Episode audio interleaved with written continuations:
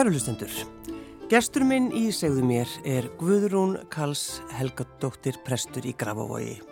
Velkomin í þáttin. Takk fyrir. Akkur hleypur um marathón? Ég hleyp marathón til að augra mér, til að setja mig markmið og, og uh, já, til að augra mér og sjá hvað ég get. En hvað, ferði þessa bara þörf að, að svona sjá hva, hvað það er sem þú getur eða hvað? Soldið, ég sko lengi vel var leiðalasta sem ég vissi í veröldinni að var að hlaupa. Já. Ég gæti ekki hugsa mér að hlaupa og ég á svona martraði síðan vorum að hlaupa 800 metra hérna í grunnskóla. Ég dó eiginlega í þessum æfingum. Já, og hvað er þetta að hlaupa núna til dæmis?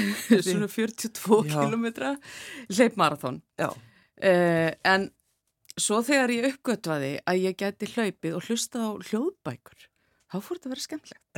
Og svo þróaðist þetta og ég fór í hlaupahópa og ég egnaðist vini sem voru að hlaupa og, og núna eru hlaupaæfingarna svolítið svona oft eins og bara skemmtileg kaffibóð þar sem við spjöllum og höfum gaman. já. Þannig að þú er búin að mastra þetta að hlaupa og tala í einu. Já, það tók svolítið tíma. Það var mjög kvíðvanlegt til að byrja með þegar þjálfarinn kom og hljópi hliðin á mér og talaði allan Já, tíma. akkurat. Ég, ég gat ekki gert bæði, Já, en, en það venst. já. Það er hægt að vinnast öllu og það er hægt að læra flest. Já, það er vist hannleik. Já. Erst ekki nýkominn frá New York, Guðrún? Jú, ég hljóp uh, New York Marathon núna 15. november. Mjög skemmtilegt marathon, mæli með því. Er þetta ekki eitthvað svona ægilega frægt? Jú, þetta er svona eitt af þessum sex stóru. Það eru sex eh, stór marathon sem eru kallað Abbott marathonin Mm. og markmiðið mitt er að klára þau. Ég er búið með fjögur af þeim. Já. Þannig ég á tvö eftir. Ég á eftir að hlaupa Tókjó og Boston. Já. Mm. Hvað, sko, finnst fólkið að vera eitthvað hlaupa frá einhverju? Eða er, er fólk að reyna að skilja? Guðrún, af hverju ertu alltaf að gera Ég þetta? veit ekki, já, Nei. ég held að örglega einhverjum finnst þetta svolítið skrítið en, en ég myndi segja í dag, ástæðan fyrir ég hleyp í dag er svo að uh, það er eiginlega ekki til betri, betri aðferð fyrir mig til þess að eh, slappa af, til þess að sko losna við allt úr hausnum á mér eftir erfiðan vinnudag, þungan vinnudag, það sem að alls konar tilfinningar er í gangi, að fara út að hlaupa, að þá er ég búin að losa mig við þetta eftir góða æfingu. Já, Og svo nota fólki ymsar aðferðir. Þetta er mín. Eina af þeim. Svo prjóna ég líka til þess. já, akkurat. En eh, er það þá, sko, já, þú, þið finnst þú þurfa að svona reynsa hugan því að Mm. auðvitað veit maður hvernig, hvað þið er að takast á við í ykkar vinnu. Já, og svo mikið af, af einmitt mínu starfi gerist einhvern veginn í, í hausnum Mm. og í tilfinningunum. Og þegar ég er ekki mitt með fólki kannski í erfiðum, já, eða gleðilegum málum, að þá er ég að skrifa ræður og, og, og svona sitt mikið við tölvu og er að hugsa og vinna og, og svo les og, og þá er gott að reyfa sig Já. og fá útrás.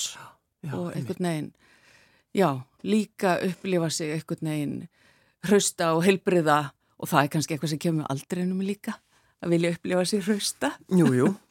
Hvað með svona, það er, maður keirir í vinnunum á mótnana núna, það er bara, það er kolbygga svart, Já. myrkrið. Já. Hvernig á það við þig, myrkrið á, á þessum tíma? Æ, mér finnst það, ég verða, ég það minnst alltaf glöð þegar jóljósin kom upp og ég setu upp fyrr og fyrr Já. með hverju árinu. En ég held, ég er svolítið þannig að það hefur einhvern veginn allt sinn tíma. Mm. Í september langar mig ekki í þetta myrkur og ekki í óttobur, en svo kemur það og þá er það bara að ná það er allt í leið. Já, Já. Það, ég, það bara kveiki ég kerti. Finnur þú kvíða á þessum tíma? Nei, ekki á þessum tíma.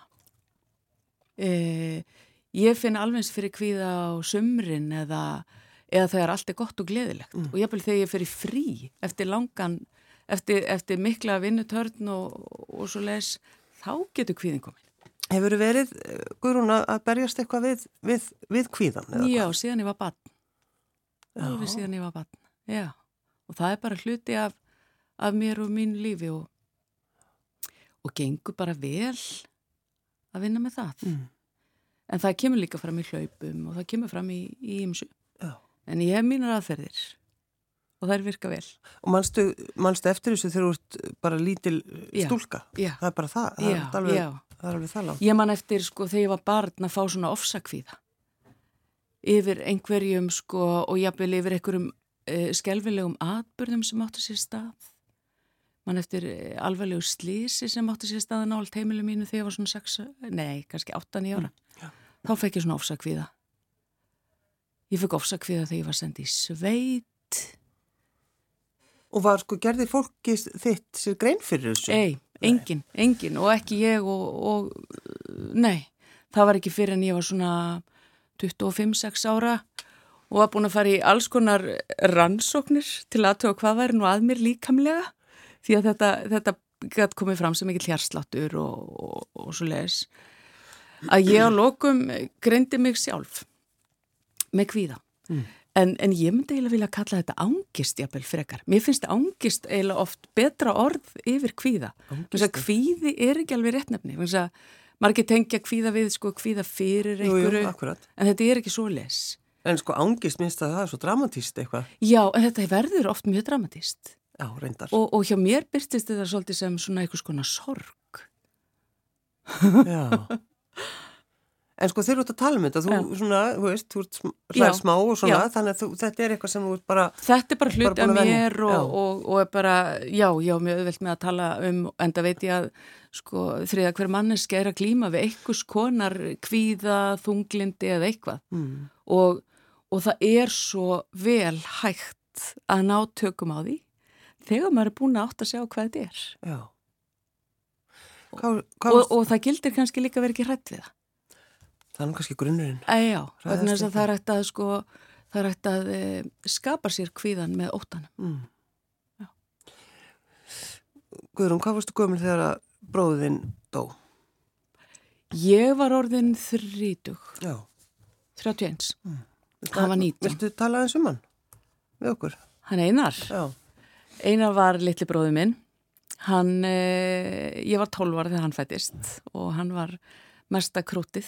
Við vinkonurnar vorum alltaf að knúsa og kissa barnið í kaf því hafa með svo, svo feitar og, og fínar kinnar. Á, hann var fallegt barn, ljóshærður og bara indislegur. En við erum svona í tveimur hollum sko. Við erum, ég og eina sýstu sem er þreim árum yngri en ég og svo ég aðra sem er 12 árum yngri, nei 10 árum yngri og svo hann 12. Þannig Já. þau voru svona e, litlu sískinni. En e, svo náttúrulega þegar hann eh, varð unglingur þá var ég flutta heiman og þá var okkar samband meira svona, hann var að passa fyrir mig þegar ég egnaðist barn og, og svo les.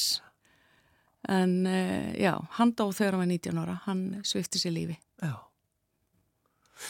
Hvernig svona, hvernig unnuði úr því? Eitthvað fjölskylda? Um, ég bjó ekki á landinu þegar þetta var. Ég bjó í Svíþjóð og það var þeila til þess að ég var kannski svolítið lengur að vinna úr þessu vegna þess að, að þegar fjarlægðin er svona mikil þá var það þannig að þegar ég kom heim í frí þá heldist þetta alltaf yfir mig og svo gæti ég svona aðeins fjarlægst þetta þegar ég var í burtu.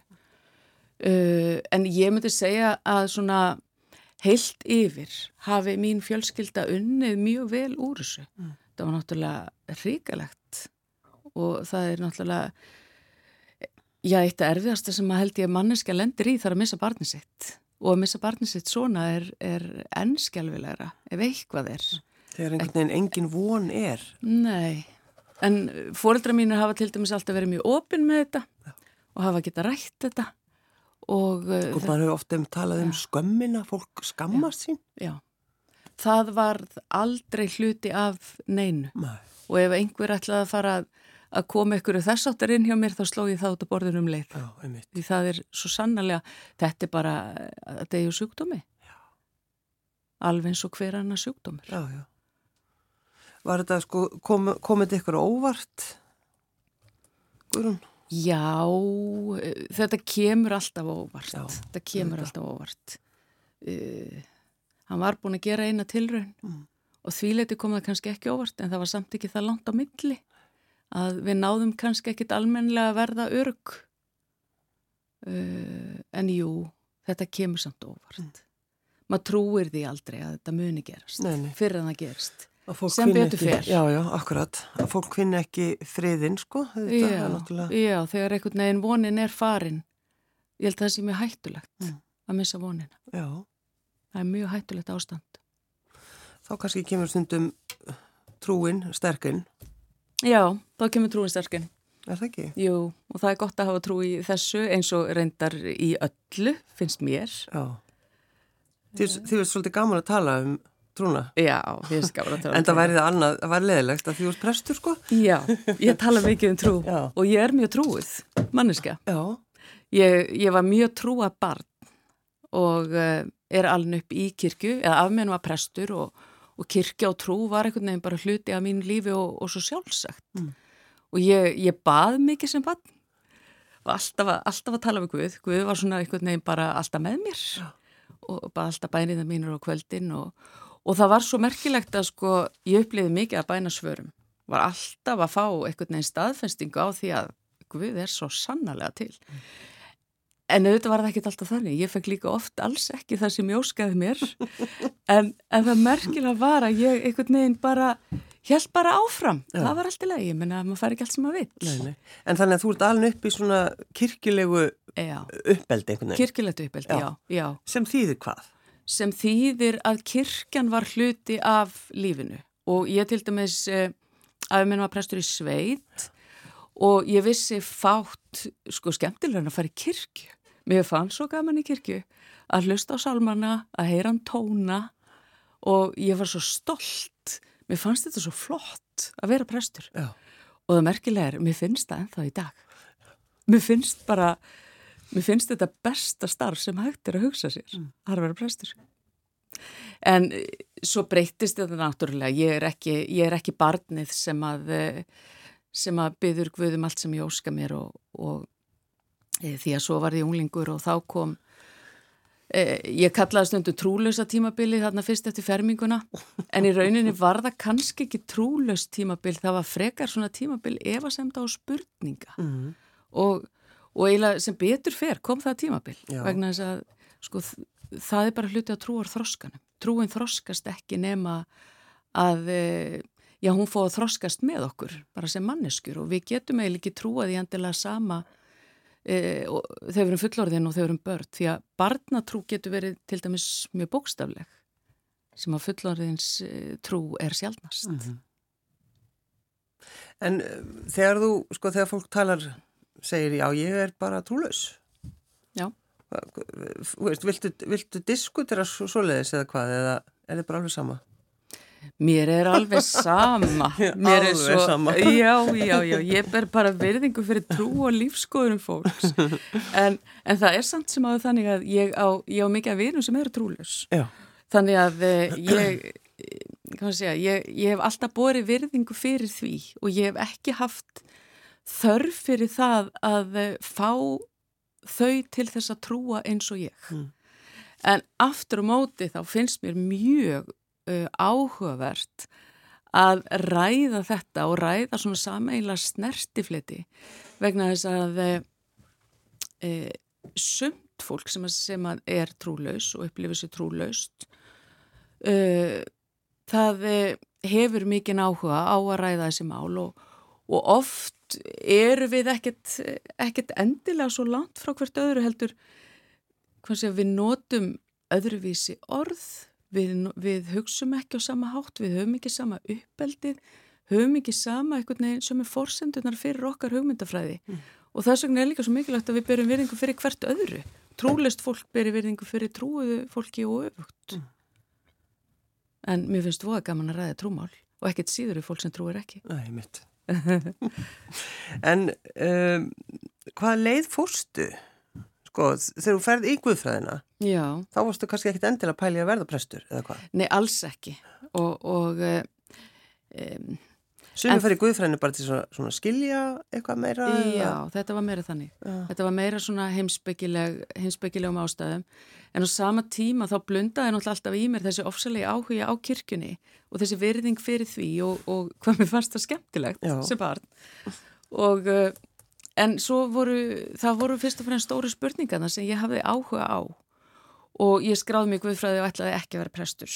Uh, Amma mín, prestfrúin, hún var líka alveg á því að ég geti bara orðið kennari. Ég þyrti ekkit að verða prestur þó ég færi að læra þetta. Já, En ég fannst það nú ekkit alveg endilega við hæfi að vera prestur. nei að því hvað, því þú varst kona eða? Já, það náttúrulega voru ekki margar konur prestar því ég byrjaði árið 1992. Nei, nei, nokkulega.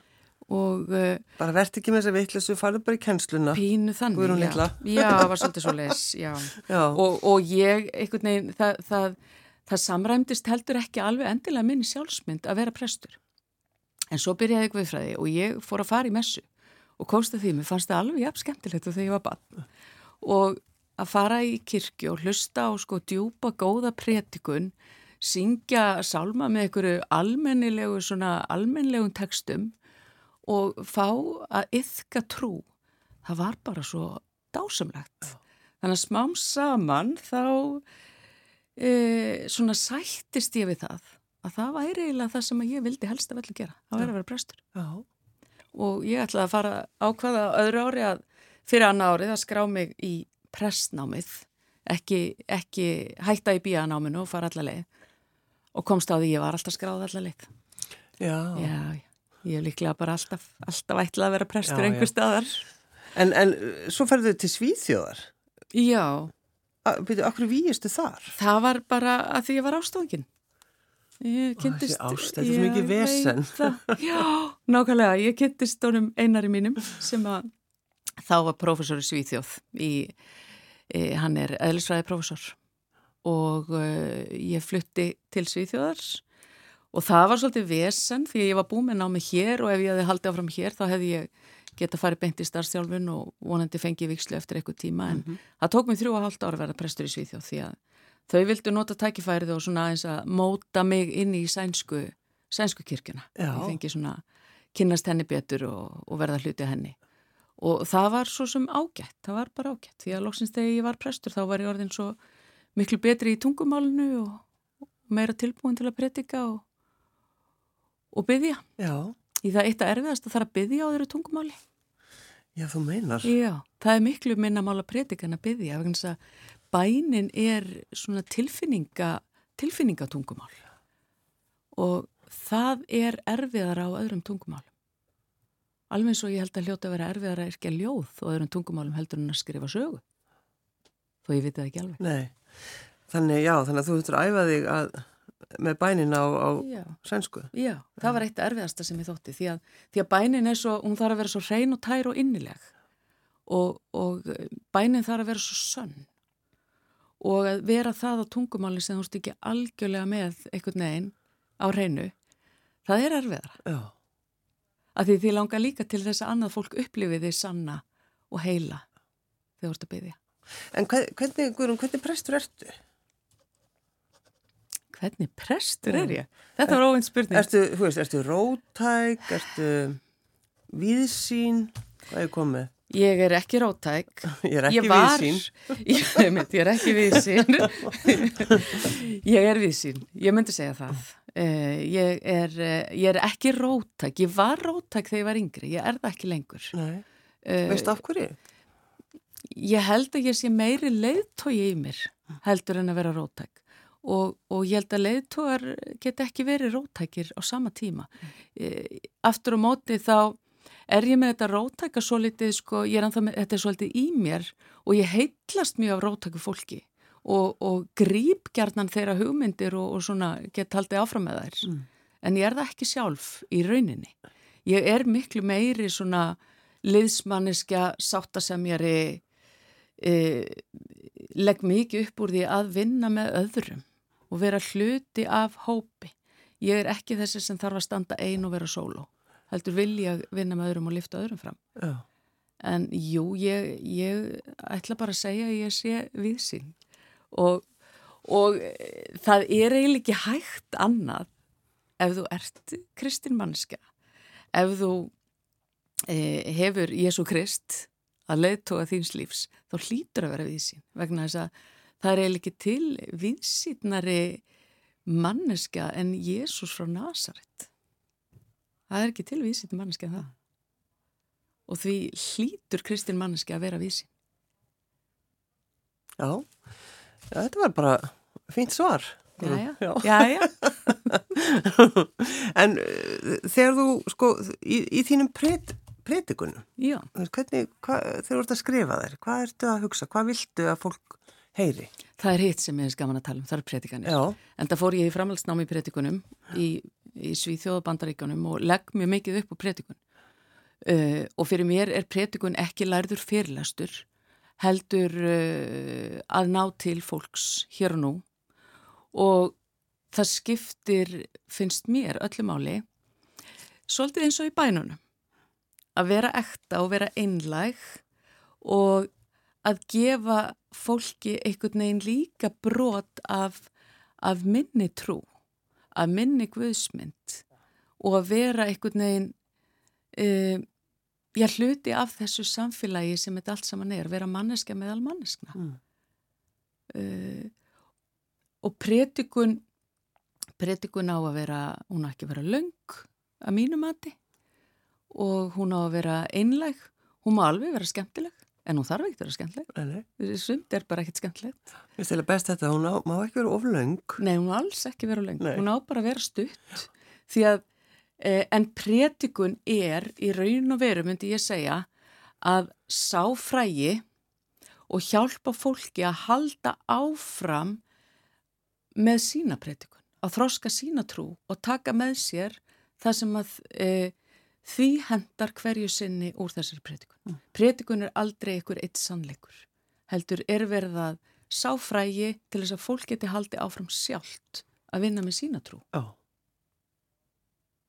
Þegar þú stendur og, og, og fer, fer með þína predikun og horfir yfir er, sko, hvað er margir í kirkjunni á sunnundum þegar þú ert stendur aðna? Það er fullt, fullt af fólki já. það er mjög góð messusókn í Grafóskirkju Það er alltaf verið að tala um, já, það er alltaf tóma já. kirkjur Já, og veistu að ég held að þau sem sé að segja þetta séu bara ekki mikið í kirkjum Hvað er þetta að segja? Ég held það og það eru oft þannig að þau sem hafa mesta skoðunur á kirkjunni hafa kannski ekki farið ánga lengi nei, nei.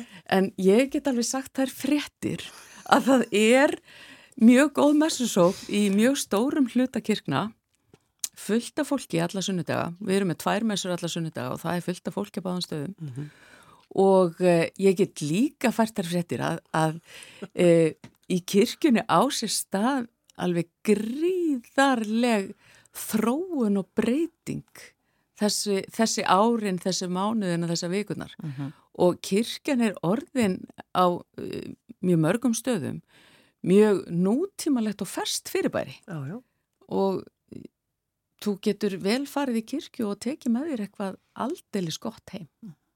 og svo er líka bara svo mikil fjölbreytni í, í starfinu, það er svo margt í bóði fyrir fólk á öllum aldri við erum til dæmis með vinakvöld í Grafórskirkju í dag og ætlum að skapa, skapa vettvang fyrir vináttu í kirkjunni Það er djúpslökun og jóka og það er badnastar. Æ, ég geti haldið áfram já, allan daginn að tellja þetta upp. En það er nefnilega margir einmanna. Það er nefnilega margir einmanna já. og þetta er svolítið það sem okkur langar að, að vinna með núna. Já. Það er einmannleikin og þetta ekst, þetta ekst með hverju árunni, einmannleiki að, e, og heimili það sem er aðeins einmanniska í heimili, það, því fer fjölgandi og svo að við náttúrulega lifum á netinu á stórum luta. Við erum ekkert mikið að hittast. Ég hitti miklu minna fólki en ég gerði. En ég tala með mjög mikið af fólki. Þannig að í kirkjunni langar okkur að vera vettvangu fyrir vinatu. Við erum alltaf svo hátimbruð að tala um kærleikan og ástina jú. og trúina. Jú, jú. En vinatan, hún skipt svo miklu máli. Mm. Langar að vera biskup, Guðrún? Uh, það er ekki mín höndum. Það er laust staða? Það er laust aða, það verður laust aða bráðum. uh, þetta var áhugaður spurning. Ég, þetta er ekki mínum höndum nei, nema mjög litlu leiti og uh, ef ég á að vera alveg einlag sem að ég get eiginlega ekki annað en verið þá, um, þá er það þannig að það eru prestur og djáknar sem tilnefna. Akkurat. Þau sem þau treysta best og það eru þau þrjú sem fá flesta tilnefningar sem verða síðan í kjöri. Mm. Og Ég fengi gríðarlega mikla kvartningu og, og áskorunir þó það hljómi sem klísja, þá er það þannig. Það hljóma sem klísja. Ég veit það og mér langar svo ekki að segja Já, það. En ég verð að gera það. En ég verð bara að gera það því það er þannig. Því það er ástæðan fyrir því að ég hef, eh, hef íhugað þetta mjög alvarlega. Og, Nú þú ert að gera það. Hef, já, ég er þá. Ég hef tekið það ákverðuna ef ég fæ tilemningar, þá mun ég taka þeim og gera það sem ég get til þess að eh, að eh, já, verða þá kosin í þetta þjónustu hlutverk mm. sem að biskup er, þjónustu og leiðtóðu hlutverk Þetta er, eh, þetta er nefnilega svolítið svona spennandi tími þegar að þegar verður að kjósa nýjan biskup, þetta skiptir máli fyrir kirkuna. Þetta skiptir máli fyrir kirkuna, skiptir ja. miklu máli og, og ég veit alveg að þetta er ekki vinsalasta starfi heimi. Það var allir skoðunar á biskupi já, og allt já. það en, en ástæðan fyrir því að ég svona, ég mun taka þessar áskorun ef að verður er svo, ég hef svo óbylandi trú á kirkuna Mm, ég held að allar að segja óbyrjandi trú af mér. Nei, ég, nei, nei, nei, nei, nei, nei, ég hef það ekki. En aftur, ég hef alveg trú af mér, en ég hef aftur á móti líka óbyrjandi trú allir fólkin í kringum mig. Já. Og mér finnst svo mikilvægt að biskup er ekki einirki, biskup er ekki sólóisti. En þetta er náttúrulega, sko, þú veist, þetta er svona vinsalda, svolítið, það ekki, þú veist, núna, það er bara eða þú ert vinsæð, prestur, eða hvað, ég, ég, maður náttúrulega skilur þetta ekki. Sko, mm, Ég, ég myndi segja að væri það ef að almenningur væri að kjósa, Já, bara allir, eða bara allir í þjóðkirkunu væri að kjósa. Já, en það er ekki þannig. Það er ekki þannig, Nei. en persónulega finnst mér að það ætti að vera þannig. Vegna þess að... Er ekki bara sóknarnefndin eða hvað? Jú, bara... það eru prestatinn sem fyrst velja á djáknarnir og ég held að það sé ekki auðvelt að verða endilega vinsæl meðan, meðal sko presta og djákna samstarfsfólksins síns. Mm. Það snýst kannski frekar um svona ég veit ekki, skásta kostin eða hver, hver er svona já, hver, hverjum treystir þú best svona óháð kannski endilega hversu vel þér líkar við viðkomandi eða mm -hmm. svoleis ég held það, já. en ef að, ef að allir væri að kjósa, þá verður þetta kannski meiri vinsaldakostning Já, um mitt Hvað heldur að Ammaðin segi við þessu, þessari hugmyndi, unni, Guðrún? sem hún bætti þínu á, það var nú ekkert ekkert að gera með það að vera prestur. Ætlum við myndi snúa sér við í gröfunni Ég veit ekki, það er spurning. Það er spurning. Nei, nei, hún, Guðrún amma mín hún er þið bara ánægð held ég. Og ég er nokkuð vissum hún Guðrún amma mín sem var alveg einstaklega góð kona. Og það er eiginlega Ég held að sé fyrst og fremst hún sem hafi sáð trúarfræginu í mínu brjósti. Já, á sínum bara þegar þú ert lítið stúlka. Já, þegar ég er barn. Já. Ég man eftir Jésu myndinni fyrir ofan rúmið hennar og bænunum með henni Já, í, í kjósinni. Ég held að hún Guðrun amma mín myndi standa með mér alveg sama hvað. Já, akkurat. Uh, hvernig sem gengur og hvernig sem allt veltist. Já. Það er nokkuð eins og það. Já, já, já. Ég hef óbillandi trú á henni eins og kirkjunni. Já. Þannig að þú ert svolítið fegin kannski, Guðrún, að hafa tekið þess ákvörðun að fara í prestin, að, að ekki bara lesa Guðfræðina heldur, fara alla leið. Ég gæti bara ekki verið hamingjusamari með val, Nei. því að, því að e, e, ég er í, að mínu mati, í allra skemmtilegasta starfi sem að er til. Ég hlakka til að fara í vinnun á hverjum degi, en þá ég dásamlegasta samstarfsfólk sem ættir að hugsa sér Ég er með frjáls í grafvóinum, þetta er, þetta er mjög opinn söpnuður sem er opinn fyrir nýjungum, tilbúin að, að uh, svona prófa ýmislegt og uh, fólkið ekki vænt um kirkjuna sína, það stendur með kirkjuna sína og prestunum sínum. Þetta er svo stór kirkja. Þetta er mjög stór kirkja og mjög stór söpnuður, þetta er náttúrulega hátti 19.000 mann sem búa í grafvóinum og fer, fer óðum stekkandi. Já, 19.000? Já, hátti það er 18.000 og eitthvað sem mm. búa þar og það stefnir í að það muni bætast um allavega jafn mikið af fólki á næstu tíu árum. Mm. þannig að e, og það er svona, þetta er gott samfélag. Kirkjan er í mjög góðum tengslum við sitt nærum hverfi skóla, vinnustadi félagsstjónstuna, allt mm. saman. Þannig að það er mjög þakklátt að vera prestur í Grafæi og svo er eiginlega fátt dýrmætara til en að fá að taka þátt í í mikilvægum stundum í lífi fólks að fá að fylgja fólki í gegnum erfiða tíma og fá að fylgja fólki í gegnum gleðilega tíma mm. og fá einhvern veginn að bóða besta bóðskap í heimi. En ertu, ertu alltaf tilbúin í það? Þú veist, þú færð inn í einhverja svona einhverja aðstæður Um, það er kannski bara ekki engin, þú veist, það er ekki, þú nei, verður að gera það. Það er ekkit alveg rými endilega sérstaklega þegar það eru, þegar sérstaklega þau eru óvæntar aðstæður. Já. Og það erfiðasta sem að prestur gerir í það mesta það sem ég geri og ég myndi halda flestir prestar ef ekki allir það er að fara og þurfa að tilkynna andlátt. Mm. og það var gríðarlega erfitt til að byrja með, það er ennþá erfitt. En það sem ég hugsa áðurinn í fyrinn er ég er bara manneskja eins og þau sem ég er að fara að tala við. Þetta hefði alveg skemmt að vera ég. Og ég er með Guð með mér. Ég byð áður en ég fyrir inn og ég byð áður en ég fyrir allar erfiðar aðstæður, líka góðar aðstæður og það gefur mig styrkin og einhvern veginn sko fullvisunum það að e, ég er ekki einn, að ég er borin áfram. Já. Og síðan, þegar þetta er búið, Já. þá er mikilvægt að Fara að hlaupa. Já, fara að hlaupa. Ég ætlaði reyndir að segja að tala við, að, að eiga einhvert sálgæti, að Akkurat. tala við trúnaðar vin um hvernig mér líður Já. og fara svo að hlaupa. Og hlaupa svo. Það er alveg nöðsynlegt. Og, af- og trúðu mér það hafa marga bænir verið beðnar á hlaupum. Nákvæmlega. Ég, ég bæði að velja lag. Þú uh, talaði um Dolly Parton. Já, Dolly Parton er, er málið. Já. Ég held að það er selvi rétt. Og þetta lag líka, minnst þetta, ég vissi ekki að hún hefði sungið þetta lag. Nei, það var að koma út ný plata með. Dolly Parton og hún syngur þetta lag þar. Stairway to Heaven. Já. Já. Tákran, Hún gerir allt vel hún Dolly. já, En, en að besta er náttúrulega, hún er, er sko frábær laga og textaföndur. Já. Ef við þá ekki bara hlusta þetta og senda það út í daginn, Guðrún Karls Helgdóttir prestur í Grafóskirkju. Takk fyrir að koma. Takk fyrir mig.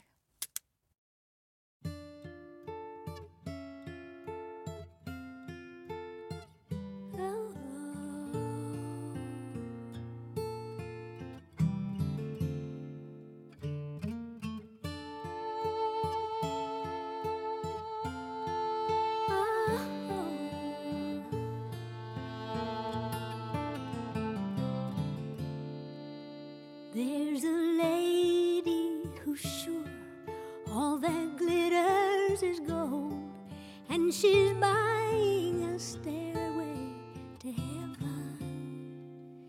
When she gets there, she knows if the stores are all closed, with a word, she can get